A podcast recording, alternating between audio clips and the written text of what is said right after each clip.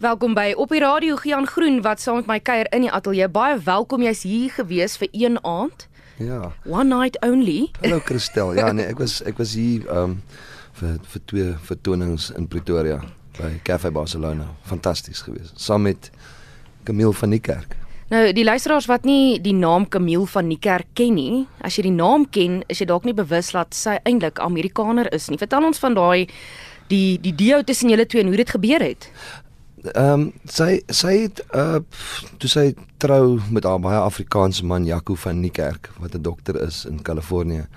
Uh het sy besluit dat sy wil graag sy mother tongue leer praat en sy sy is 'n sanger en ook 'n vocal coach en hy het dit toe vir dit was toe nou vir haar makliker om as hy dit deur musiek kon doen.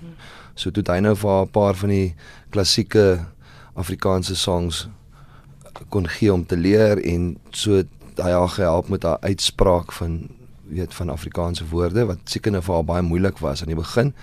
Maar dis omtrent ja, die r's ja en die g's. ja. En ehm um, en ehm um, met ter tyd uh, het sy nou begin videoklips maak ehm um, vir YouTube en dit gepost op Facebook en oral. Ehm um, en dit het vreeslik aandag getrek. En toe het sy ehm um, op 'n manier by Kobie Koen wat my wat die platenmaatskappy besit waarby ek is by Vonk Records by hom uitgekom en sy het gesê maar sy sal graag oorspronklike musiek wil hê uh, wat spesifiek vir haar geskryf is. En hy het toe nou vir verskeie van sy liedjie skrywers se werk gegee om na te luister en op die manier het sy nou besluit sy hou van wat ek doen. En toe het ek verlede jaar vir haar begin skryf en um, met die tyd het ons ook besluit dat sy moet 'n draaitjie kom maak in Suid-Afrika, 'n bietjie kom optree hierso. So ek en sy is nou vir die laaste maand aan die gang. Maar sy gaan amper huis toe. En die musiek wat jy vir haar skryf is Afrikaans. Dis Afrikaans, ja. Het sy vir jou gesê die tipe musiek waarvan sy hou? Het jy haar vorige musiek al geluister? Het jy geweet in watse genre tipe musiek, watse klank sy het? Kyk, sy het 'n sy het 'n verskriklike wye smaak van musiek. Ehm um, sy doen enigiets van pop tot ehm um, weet sy hou van blues en, en ek het vir haar gesê we ons moet ons moet die common grounds vind van waarvan ek en jy hou. Hmm. Eerstens om genre te bepaal.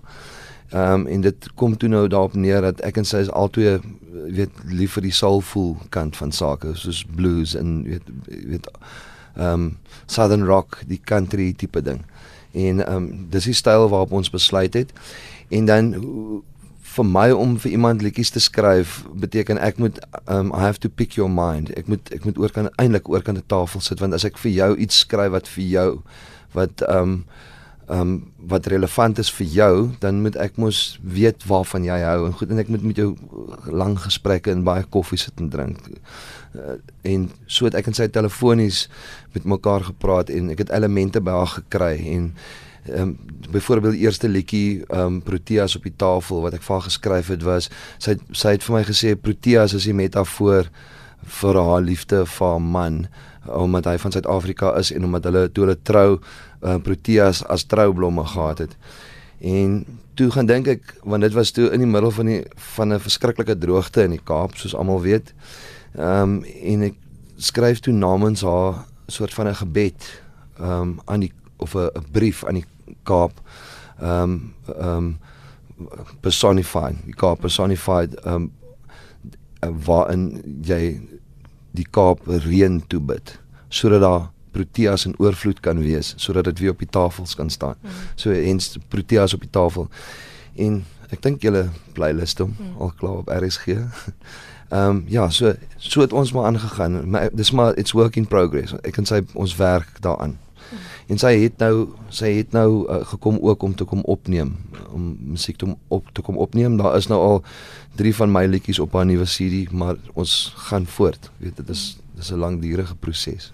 Drie van julle liedjies op haar album, wat van 'n album saam? Dit sal met die tyd kom. Dit sal met die tyd kom. Ek was vir 'n vir 'n tyd lank nou so 'n bietjie ek het so soort van 'n sabbatical gevat. Ehm um, bietjie ehm um, musiek gegee by 'n privaat skool, net so bietjie teruggestaan net bietjie gereset en ek is nou weer besig om weer my eie profiel weer te bou um en weer om my eie musiek weer uit te kry. So dit is alles deel van die van die langer termyn projek is om dan nou eventually met Camille heeltemal 'n collaboration CD op te neem. Ek het begin en dit is juis waar Kobie in die prentjie inkom. Uh ek het uh 2 jaar gelede het ek 'n CD uitgereik getiteld Alles is net lekker. Ehm um, en dit smerk alles is net lekker. Ja, dit smerk, dis hy. Ehm um, en sy het ehm um, op daai manier weet toe is ek gesign by by Fonk Records en toe sy nou by Kobe uitkom toe dit is maar hoe dit dis mm. alles deel van die vernuwende proses vir my. Ek is tans ook besig om weer op te neem aan iets van my eie. En dan sal ons kyk, miskien so na volgende jaar toe, maar ons moes eers net iets vir Camille ook uitkry. Maar dit is ja, dit is ek soos ek sê, ek het bietjie teruggestaan en ek ek bou nou aan my eie profiel ook. So, maak help haar jou profiel nou, die manier hoe die die land en jou aanhangers Gian Groen sien, is bietjie anders as jy begin daar. Dis nie meer so rock nie. Ja, ek ek voel ek het in in, in mense kry al 'n beter perspektief hoe ouer jy word dink ek. Um, en ek besef ook al hoe meer dat uh, weet toe ek 20 jaar terug begin het met my loopbaan, het, het ek um begin skryf.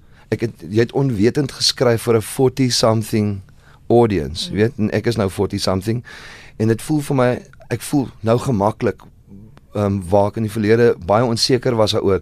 Is ek nou baie meer gemaklik met met waar ek is in, in terme van waarvan ek hou en dat ek weet ander mense ook van hou. My audience en my audience voel dit ook aan dink ek. Ja so ek skryf 40 something musiek al my lewe lank en nou dat ek 40 something is begin dit vir my uitwerk. ja. En jy het ook eendag 'n onderhoud genoem dat met die geboorte van jou dogter, ja. uh Gita, het dit het jy ook 'n bietjie rustiger gemaak, 'n nuwe perspektief gegee oor o, die lewe en jou jou aanslag tot musiek. O ja, natuurlik. Dis dis dit is 'n dis 'n mind-blowing ding om om om om ouers te word. Dink ek dit is jy half geforseer om jou denkwyse totaal en al te verander.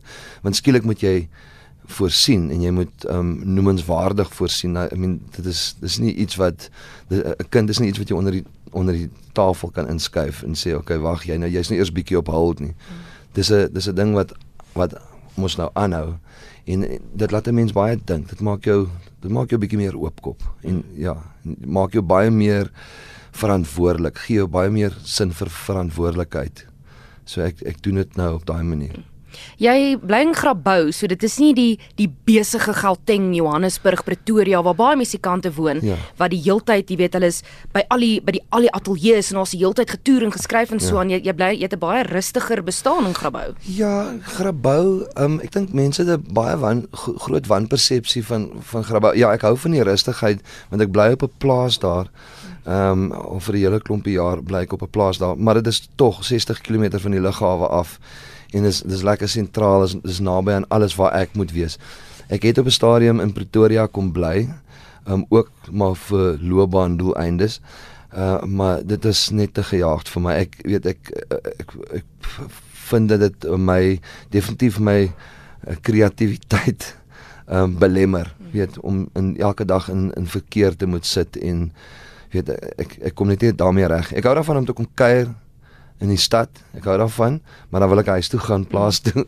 Ja. Ja. So natuurlik ek ek sien mal oor om dit te vra nie, maar die inspirasie dan natuurlik is ook daar in Grabouw want daar is nie al hierdie gejaag nie. Jy het ja. tyd om te sit en dink. Ja, jy weet ek gebruik graag ehm um, ehm um, ek metafore en weet ek gebruik ehm um, die natuur, ehm um, berge, weet en dit het ek mos nou alles om my. Jy weet daar en dis net die rustigheid, net die spasie om te kan dink.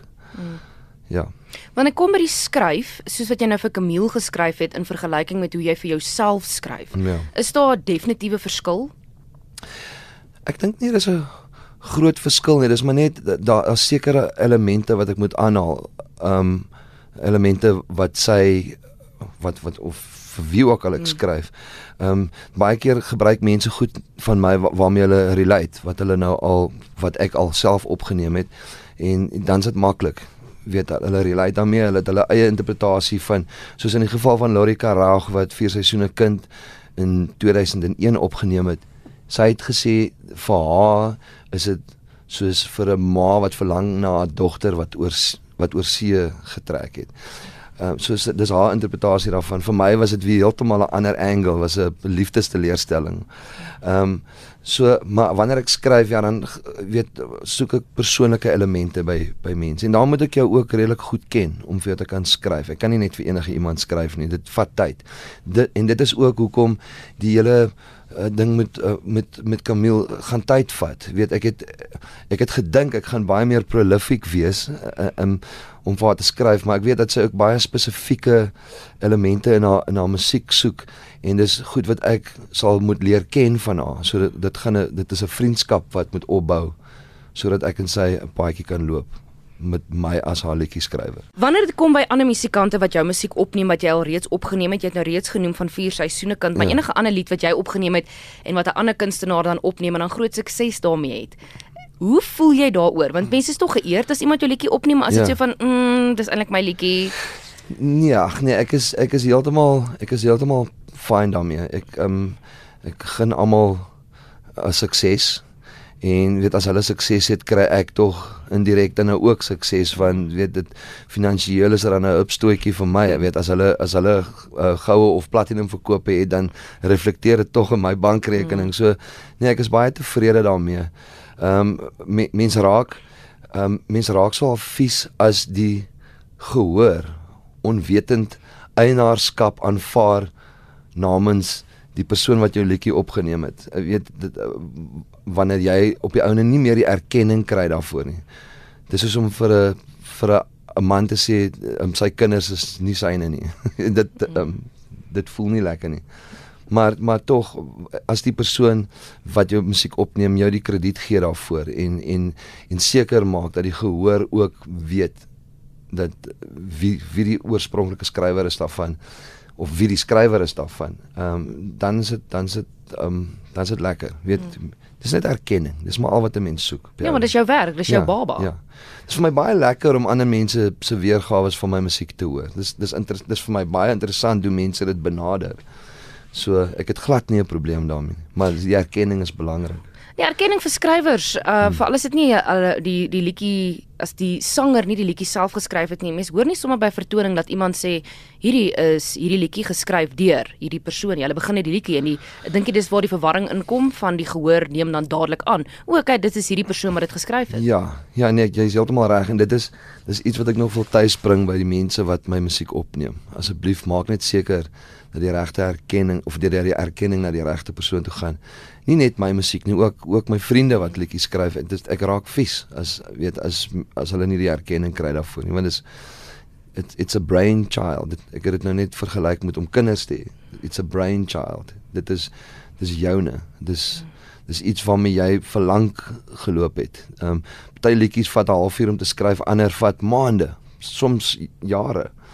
Ehm um, en veral liedjies wat lank gevat het om te skryf is iets waar wat dis nie sommer net lirieke nie. Dis goed wat deurdink is. Dis dis iets waarmee jy verlang loop en dan dit kom nader aan die hart. Weet hoe langer 'n mens daarmee geloop het en dan kom iemand sommer net eenvoudig en hy neem dit op en hy, jy kry nie erkenning daarvoor nie.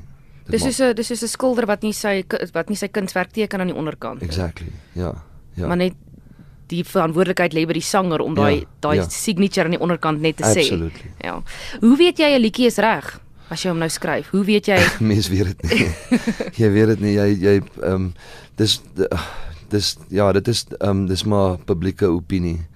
Jy skryf iets wat wat ek gewoonlik doen is ek het gelukkig het ek ehm um, goeie 'n klankbord in in Tanya, my ander helfte en ook in my suster ehm um, en vriende wat ek gaan sit ehm um, in 'n informele environment luister gou hierna en dan gaan ek gaan ek goeie of slegte terugvoering kry en dan weet weet dit is, dit is maar die publieke oor wat jy in in ander mense rondom jou het wat wat maak dat jy dit of bietjie tweak bietjie aanpas of dit net so hou soos dit is jy weet maar ja ek ek skryf elke dag iets maar eh, ek gebruik um, baie min daarvan so maar dit is jou 10000 ure wat jy stoot om perfek te skryf op die einde van die Absoluut, dag absoluut ja As jy kyk na ander skrywers in die land, na wie kyk jy op? Sjoe, Pietman Geldenhuys. Dis die eerste een wat nou want hy het nou onlangs het hy nou van die Os op die jas uh uitgereik en ek dink is fantasties. Ek hy het ook 'n Guma gekry daarvoor as beste liedjie skrywer. Anton Goosen uit die aard van die saak ehm um, wat wat wat 'n groot invloed het op um, op my musiek en op my loopbaan wat ek al baie jare ken en ek het ek het sy, sy my eerste um, Anton Goosen show was toe ek 5 jaar oud was. Ehm um, so en ek het met sy musiek groot geword. Ja, ja, en dan Jan Blom skryf ongelooflik. Ek dink een van die mooiste liedjies in Afrikaans is Breiten se brief in my opinie. Dis 'n dis 'n baie moderne ehm um, Afrikaans soos hy mag gepraat word onder gewone mense met sy slang tussenin. Ehm um, um, ek is heeltemal te vind daarvoor ons het 'n moderne taal taal wat groei. Dit is die jongste taal in die wêreld. Hy groei gereeld. Daar's baie anglisismes wat wat daagliks ter sprake kom. Ehm um, so ja, Jan Blom, Valiant Swart, Anton Goosen, Pietman Geldenhuys. Ek kan aanhou. Ek het 'n paar Piet Botha was 'n wonderlike liedjie skrywer.